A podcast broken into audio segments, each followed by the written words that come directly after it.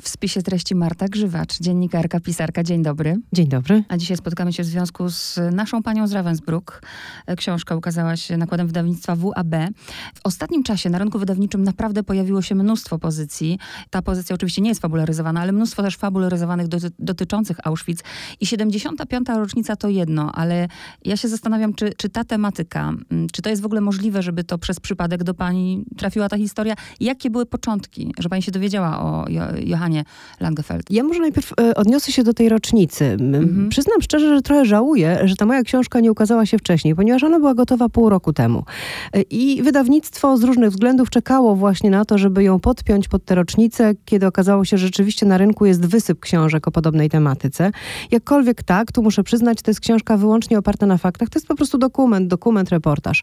Więc to nie jest historia fabularyzowana i nie trafiłam na nią sama i faktycznie niestety chyba trochę przypadkiem dlatego że któregoś razu poprosiła mnie redaktorka Wysokich Obcasów, dla których również pisuję, no, o przyjrzenie się temu tematowi. Jest nadzorczyni z obozu w Ravensbrück, która zakładała obóz, obóz Ravensbrück i była na tyle dobra dla polskich więźniarek, jak wiemy, one stanowiły większość w tym obozie, że po wojnie, kiedy została aresztowana przez Amerykanów i ekstradowana do Polski i tam oczekiwała na proces oprawców z Auschwitz, polskie więźniarki pomogły jej uciec z więzienia na Montelupich w Krakowie.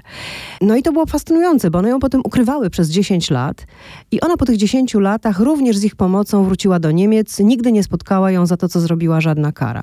Temat był fascynujący, ale było bardzo mało materiałów. Ja po takim pierwszym entuzjastycznym podejściu pomyślałam, że ja nie stworzę tego artykułu, ale artykuł ostatecznie powstał. Chyba dosyć czytelników zainteresował, bo po jakichś dwóch latach zwróciła się do mnie redaktorka z wydawnictwa WAB z pytaniem, czy nie napisałabym na ten temat książki. No to tu już moja obawa była 100 razy większa. No ale jakoś ta książka powstała z takich drobnych kawałeczków, bo rzeczywiście było mnóstwo białych plam w historii Johanny Langefeld. Z takich drobnych kawałeczków udało się ją utkać. Nadal te plamy są. Dlatego, Nadal te plamy są, tak. Dlatego to, to jest ciekawe, ale do tego, dlaczego to jest ciekawe, to dojdziemy. Na początku było mi trochę ciężko, bo rzeczywiście te, te pierwsze strony, y, mnóstwo pojawiało się tych nazwisk, prawda, tych takich faktów. Później, jak weszłam w tę historię, ale za każdym razem tak kiwałam głową, bo tak, widziałam przepisy, a, a wiem, że mnóstwo ludzi pomija przepisy. Ja jednak mam taką ciekawość, że sprawdzam, więc widzę, jak dużego wysiłku musiała pani dokonać, ile materiałów przeczytać i pewnie do wielu drzwi zapukać. To prawda, to jest e, taka bardzo drobiazgowa, wręcz zegarmistrzowska czasami robota. No, to trzeba lubić chyba jednak, żeby przez coś takiego przejść, żeby się przekopać przez te tomy e, to i tony akt. E, dużo, bardzo czasu spędziłam w IPN-ie, grzebiąc we wszystkich możliwych e, materiałach, jakie udało mi się znaleźć. E, wiele czasu spędziłam w podróży. Przejechałam wszystkie obozy koncentracyjne, z którymi miała styczność Johanna Langefeld. Rozmawiałam rzeczywiście z mnóstwem ludzi. Niestety wzięłam się za tą książkę stosunkowo późno, ponieważ bardzo wiele osób, które mogło mieć jakikolwiek związek z tą historią, no jest już, mówiąc krótko, w lepszym świecie, więc, więc to było bardzo utrudnione. Tych świadków było niewielu. Na jednej osobie bardzo mi zależało i do tej osoby ostatecznie udało mi się dotrzeć zupełnie mm, na wariata, mówiąc wprost, ponieważ e, wybrałam się z moją wydawczynią, ja nie znam niemieckiego, więc to była dla mnie dodatkowa trudność. Wybrałyśmy się do Augsburga. Ja wiedziałam, że tam to było ostatnie miejsce zamieszkania Johanny Langefeld. Liczyłam na to, że w okolicy, gdzie mieszkała, spotkam może jakichś jej sąsiadów. To jedna rzecz. A druga, to był jej syn. On tam mieszkał, niedaleko zresztą, ze swoją żoną. I o ile niemieckie y, władze miast podają adresy osób nieżyjących, o tyle na, żyjących jest, na żyjące osoby jest embargo. Ale ja pomyślałam sobie, że jeżeli oni mi podają adres jej zmarłego syna, to być może pod tym samym adresem wciąż jeszcze mieszka jego żona, czyli synowa Johanny Langefeld. I rzeczywiście, kiedy zobaczyłam, zobaczyłam na obok drzwi tabliczkę Gertrud May, byłam tak szczęśliwa i tak wdzięczna Niemcom za ich zamiłowanie do porządku, że rzeczywiście moja radość nie znała granic, bo to był ostatni żyjący świadek, który znał prywatnie Johannę Langefeld i był z nią stosunkowo blisko. Także dzięki mojej wydawczyni, która ma taki miły, ciepły głos i takim ciepłym głosem powiedziała dzień dobry, bo my tu jesteśmy z Polski yy, i wiemy, że pani rozmawiała z pewnym profesorem i chciałybyśmy też z panią porozmawiać. To ona nas wpuściła, także Gertrud Ale May rozmawiała, też, też wyrażam nie. swoje podziękowanie. Ona y, tak, rozmawiała chętnie. Rozmawiała chętnie. Mało tego, kiedy my następnego dnia poszłyśmy na cmentarz północny szukać grobu Johanny Langefeld. Dla mnie to było ważne, ponieważ to była taka kropka na D. To było takie trochę jakbym dotknęła tej postaci, bo jednak ona ciągle była dla mnie nieuchwytna, więc ten grób to było takie zakończenie symboliczne tej historii. Kiedy stałam nad nim z takim pytaniem w głowie, kim ty naprawdę byłaś, Johannu Langefeld, to ym, Gertrud Maj przyszła na ten cmentarz, żeby nam pokazać ten grób. Także no, była dla nas naprawdę bardzo miła i bardzo pomocna. Gertrud nie rozumiała, załóżmy, swojej teściowej e, i tego, jak mogła, czy, czy dlaczego nie wiedziała, to prywatnie ona jej też nie lubiła, prawda? Tak wynika z tego. Ona nie za bardzo ją lubiła, to prawda. Ja myślę, Ale że Johanna? Langefeld była bardzo trudną osobą. Kiedy my rozmawiałyśmy z Gertrud, y, ona miała 80 lat. No teraz może mieć powiedzmy 81 czy 82 to y, wiele rzeczy w jej pamięci również się zatarło, więc, y, więc ona nie umiała tego tak dokładnie powiedzieć, ale było kilka takich rzeczy, które ją niezmiernie dziwiły. Johanna potrafiła być bardzo chłodna. Jej siostrzenica, ze wspomnień Gertrud tak wynika, jej siostrzenica mówiła, że kiedy ciotka Johanna wchodzi do pokoju, to tak jakby mm, otwierało się lodówkę. Y, Więc y, to znaczy, że była dość chłodna w obejściu. Poza tym y, Gertrud wspominała taki moment, kiedy ona i jej mąż, czyli syn Johanny Langefeld, przyjechali do niej w odwiedziny z małym dzieckiem. Dziecko miało chyba dwa lata. I spało, spało po południu. A tymczasem Johanna musiała wyjść do pracy, do domu towarowego. Ona zawsze pracowała jako sprzedawczyni w domach towarowych po wojnie. I ona kazała im wyjść z tego mieszkania, nie bacząc na to, że to dziecko śpi. Gertrud nie mogła tego zrozumieć, była oburzona na swojego męża, że się na to zgodził. No ale on jakoś tak, no nie wiem, pod wpływem tej matki rzeczywiście zabrał tą żonę i syna i opuścili to mieszkanie. Tak jakby Johanna Langefeld nie chciała, żeby ktokolwiek zostawał w jej mieszkaniu pod jej nieobecność. Nie wiadomo dlaczego. Gertrud nie była mi w stanie tego wyjaśnić. Nikt o tym z mężem ani ze swoją teściową nie rozmawiała. W ogóle myślę, że w tej rodzinie się nie rozmawiało. Także ona faktycznie niespecjalnie lubiła tą swoją teściową, ale zajmowała się nią do końca. Spotykała się pani z wieloma ludźmi w związku z tą książką. Czy spotykała się pani z takim, nie wiem, z takim zdziwieniem, że dlaczego poświęcać całą książkę nazistce? Tak, ja miałam e, takie sygnały ze strony Stowarzyszenia Rodzina Więźniarek Ravensbrück. Tak, było dosyć duże zdziwienie, a jeszcze większe zdziwienie i oburzenie wręcz na tytuł tej książki. Początkowo ten tytuł brzmiał inaczej, ja nie powiem jak, bo, bo zmieniłam go i zmieniłam Mhm. go świadomie, był rzeczywiście zbyt kontrowersyjny. Został tytuł Nasza Pani z Ravensbrück, ponieważ on też jest kontrowersyjny, ale jednocześnie, no, mówiąc wprost, każdy autor chciałby, żeby jego książka w zalewie tych leżących na półkach została zauważona. A druga rzecz, nasza pani, to, to jest takie skojarzenie, że nasza pani to jest ktoś, kto, prawda, kto, kto się nami opiekuje w szkole, w przedszkolu, mówimy nasza pani od matematyki, prawda, więc nasza pani z Ravensbrück. Ale też w przypadku więźniarek Ravensbrück, nasza pani życia i śmierci, to jednak była osoba, od której bardzo wiele zależało. Więc te tytuł, ten tytuł ma taką podwójną konotację. Natomiast to y, odniesienie do, do nazistki, którą ja rzekomo miałam promować, y, ta pani y, potem napisała do mnie list, napisała recenzję tej książki i powiedziała, że początkowo podchodziła do niej sceptycznie, ale no, rozumiem, że tym listem próbowała oddać mi sprawiedliwość, że jest to rzeczywiście rzetelnie napisana książka, bez sensacji, em, no, i jednocześnie bardzo dobrym językiem, więc, więc tutaj dużo pochwał usłyszałam. Em, no, co, co znaczyło w jej ustach tyle, że warto było ją napisać. Ja zanim przeczytałam tę książkę, to od razu kombinowałam w głowie, że być może to ma być nawiązanie do dobrej pani, prawda? Że pod tą dobrą kryje się ta zła. No Ale- coś, coś takiego było faktycznie. G- Gratuluję, gratuluję przenikliwości, ale, e, no, ale nie zdecydowałam się na ten tytuł, on rzeczywiście byłby zbyt kontrowersyjny. A proszę powiedzieć y, słuchaczom, tyle ile możemy, bo oczywiście zachęcamy do przeczytania książki, co takiego y, Johanna Langefeld zrobiła dla, dla Polek w Ravensbrück. Trzeba być więźniarką obozu koncentracyjnego, żeby wiedzieć, że nawet najdrobniejsza rzecz może człowieka uchronić przed śmiercią, albo może mu trochę przedłużyć życie, albo oszczędzić jego zdrowie. Johanna Langefeld zrobiła bardzo wiele rzeczy. To była nazistka, zdeklarowana nazistka, która wspierała nazistowski system, pracując w obozie, chociaż wydawało jej się, że ona jest jeszcze stosunkowo dobra w porównaniu z innymi i w związku z tym, jak ona zostanie, no to może innym będzie trochę lepiej. Oczywiście mm, to było złudzenie, którym ona sama się karmiła, bo w tych obozach została tak długo, jak długo chciała ją tam trzymać e, E, Natomiast jeśli chodzi o Polki, to na przykład wspominały, że ona skracała apele liczebne. Wyobraźmy sobie, że na apelu stoi nie tak jak w szkole, nie wiem, jakiejkolwiek podstawowej czy licealnej, e, stoi 100 osób czy 200 osób, tylko 5 tysięcy. I te 5 tysięcy musi po kolei odliczyć i te liczby muszą się zgadzać. Więc jeżeli taki apel przy minus 10 stopniach trwa powiedzmy 3 godziny, a kiedy Johanna Langefeld zarządza, żeby, żeby go skrócić do godziny, to już jest wielka ulga, prawda, dla tych osób. Zdarzało jej się nie wykonywać kar za kradzież. Jeżeli przyszła do niej kobieta i mówiła, mówiła, że no, pani nadzorczyni, byłam strasznie głodna, dlatego ukradłam tę kostkę cukru. I ona nie posyłała jej na pół roku do bunkra, gdzie dziewczyny były rozbierane do letnich ubrań, leżały na podłodze i właściwie dostawały jedzenie raz na tydzień. To znaczy, że właściwie uratowała tej dziewczynie życie, prawda?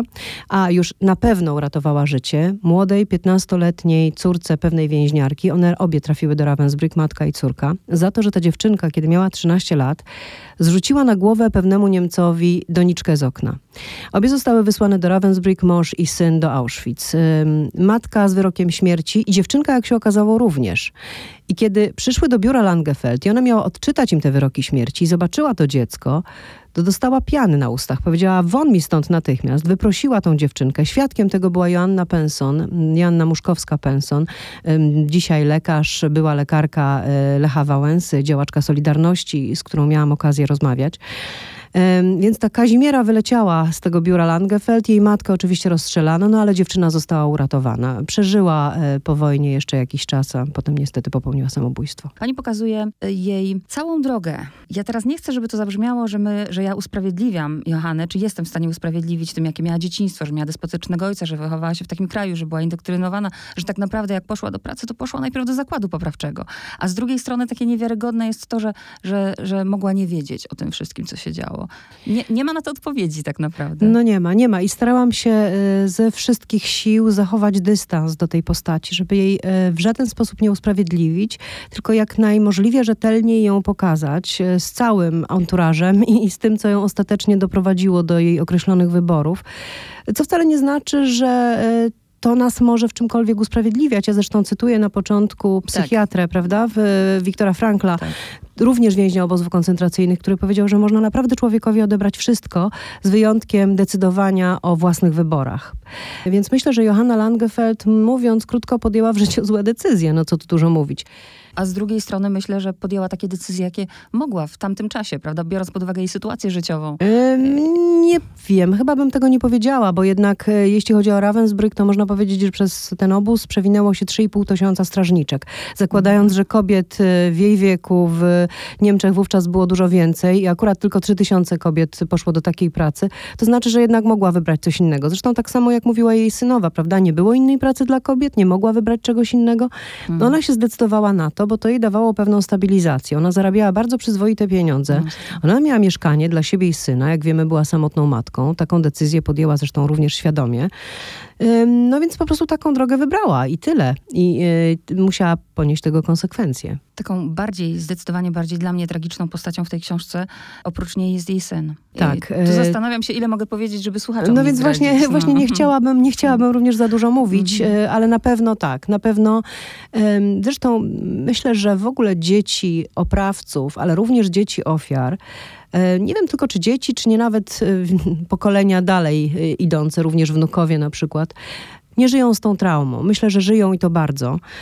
E, z traumą swoich rodziców. W ten sposób żyje wielu Niemców. O ile pokolenie dzieci nazistów zamykało usta i milczało, o tyle wnukowie zaczynają mówić, prawda? Dzisiaj Niemcy rozliczają się ze swoją historią do spodu. Ja nigdy nie znalazłam Niemca podczas poszukiwań materiałów do tej książki, który odmówiłby mi współpracy albo w czymkolwiek usprawiedliwiał Johanna Langefeld.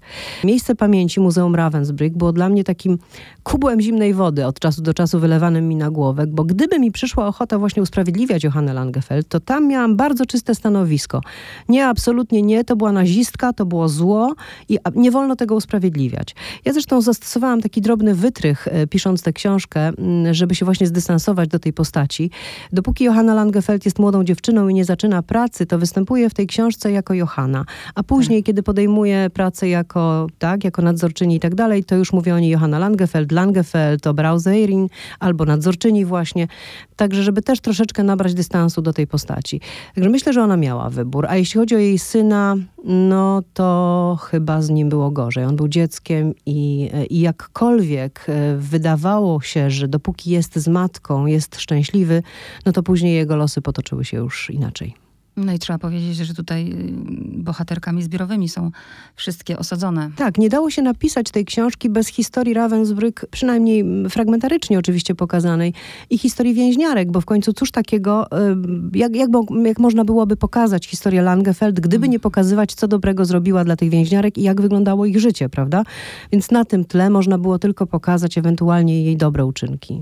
No i też zaskoczyła mnie, ale oczywiście pozytywnie, że, że właśnie jest taka prawda w tej książce, bo pamiętam, jak czytałam biografię Mai Berezowskiej, ona się tutaj pojawia jako osadzona i są te elementy, prawda, tej Mai, która wciśnięta między szafkę. Tak, także jest taka anegdota. jest tak, rzeczywiście, że tak, że ona, żeby nie pójść do pracy, wciska się gdzieś w jakąś szafkę, a ponieważ jeszcze nie zdążyła schudnąć, tak, to, to ją później z trudem więźniarki z tej szafki wyciągają i w taki, w taki tragizm wkrada się groteska rzeczywiście Tak. momentami. No mnóstwo jest takich, takich drobnych po prostu rzeczy, które pokazują to prawdziwe życie. A proszę powiedzieć, bo ja niestety dysponuję egzemplarzem przedpremierowym, nie do sprzedaży i, i nie mam tej, tej, tej wersji, która już jest ostateczna. Czy tam znalazło się, bo w, z książki wynika, że nie ma jej zdjęć, ale tam w prywatnej kolekcji Tak, no tutaj powiem szczerze, nie wiem, czy mogę o tym mówić, ale chyba mogę. Ym, Mieliśmy ogromny problem ze zdjęciami Johanny Landgefeld. Ja je widziałam, y, ponieważ mi je pokazano w Ravensbrück, ale mm, one niestety nie są chwilowo do sprzedaży. Do kwietnia bodajże jest na nie embargo, dlatego nie mogliśmy ich kupić, ponieważ w kwietniu będzie wystawa poświęcona nadzorczyniom. W kwietniu z okazji 75. rocznicy wyzwolenia Ravensbrück y, będzie tam można obejrzeć między innymi właśnie tę wystawę i znajdą się tam zdjęcia Johanny Langefeld, której do tej pory nigdzie na zdjęciach nie widzieliśmy, ale e, poświęciła je ze swojego prywatnego albumu e, córka koleżanki Johanny Langefeld i koleżanka jej syna, która również mieszkała w Ravensbrück, kiedy była młodą dziewczyną. Em, No i teraz podzieliła się, postanowiła się po latach podzielić tymi zdjęciami z Muzeum Ravensbrück. mhm, to jest taka po prostu naturalna ciekawość. Tak, to, to była, się. Mhm. ja mogę powiedzieć tyle, to była dziewczyna, to była kobieta właściwie, e, która wyglądała jak no, no, typowa dziewczyna. Dosyć, dosyć sympatyczny uśmiech, niespecjalnie jakaś urodziwa, dosyć jasne, mm, kędzierzawe włosy, jasne oczy, taka troszeczkę przy kości, taka zwykła, zwykła, sympatyczna, miła dziewczyna, pewnie jaką, gdybyśmy zauważyli ją na ulicy, to mm, przypuszczam, żebyśmy jej nie zapamiętali. A jeszcze ciekawa jestem pomysłu na kompozycję, bo każdy rozdział zaczyna się dokumentem, który, no, któ- który jakoś tam jest również, którego treść jest również wpleciona w ten cały rozdział. Tak, zastanawiałam się, jak to zrobić. I ta forma wydawała mi się interesująca, ale też pokazująca em, no, prawdę historyczną, mówiąc wprost. E, Poza tym, jak się, jak autor zdobędzie taką taką dużą liczbę dokumentów i, i, i niektóre z nich wydają mu się bardzo cenne, to potem jest mu tak strasznie żal, że on nie, on nie może ich pokazać czytelnikowi, więc uznałam, że chociaż ułamki, chociaż fragmenty tych, tych dokumentów pokażę. I bardzo dziękuję za Wiktora Frankla, bo to jest moja jedna z ukochanych książek i właśnie człowiekowi można odebrać wszystko z wyjątkiem swobody wyboru. I też Frankl powiedział, czy napisał, że żaden człowiek nie powinien osądzać innych, jeśli sam szczerze nie odpowie sobie na pytanie, czy w podobnych okolicznościach nie zrobiłby tak samo. I ja myślę, że tak należy czytać tę książkę. Ja tak ją przynajmniej czytam. Zdecydowanie tak, pod każdym względem. Zarówno od strony Johanny Langefeld, e, jak i więźniarek, które postanowiły ją uratować. Bo ja zakładam, że była w tej grupie ocalonych z Ravensbrück duża e, część osób, które uznałyby, że takie ratowanie to jest wbrew zasadom. A jednak nie możemy oceniać źle tych, które postanowiły ją ratować, bo uznały, że nie zasługiwała na szubienicę, dlatego że naprawdę nie wiemy, jak byśmy się zachowały. Tak jak powiedziałam, wszystkie mówiły, że Langefeld na tle innych była wspaniała. No i że w związku z tym należał się jej ratunek. Bardzo dziękuję. Marta Grzywacz była gościem spisu Dziękuję treści. bardzo.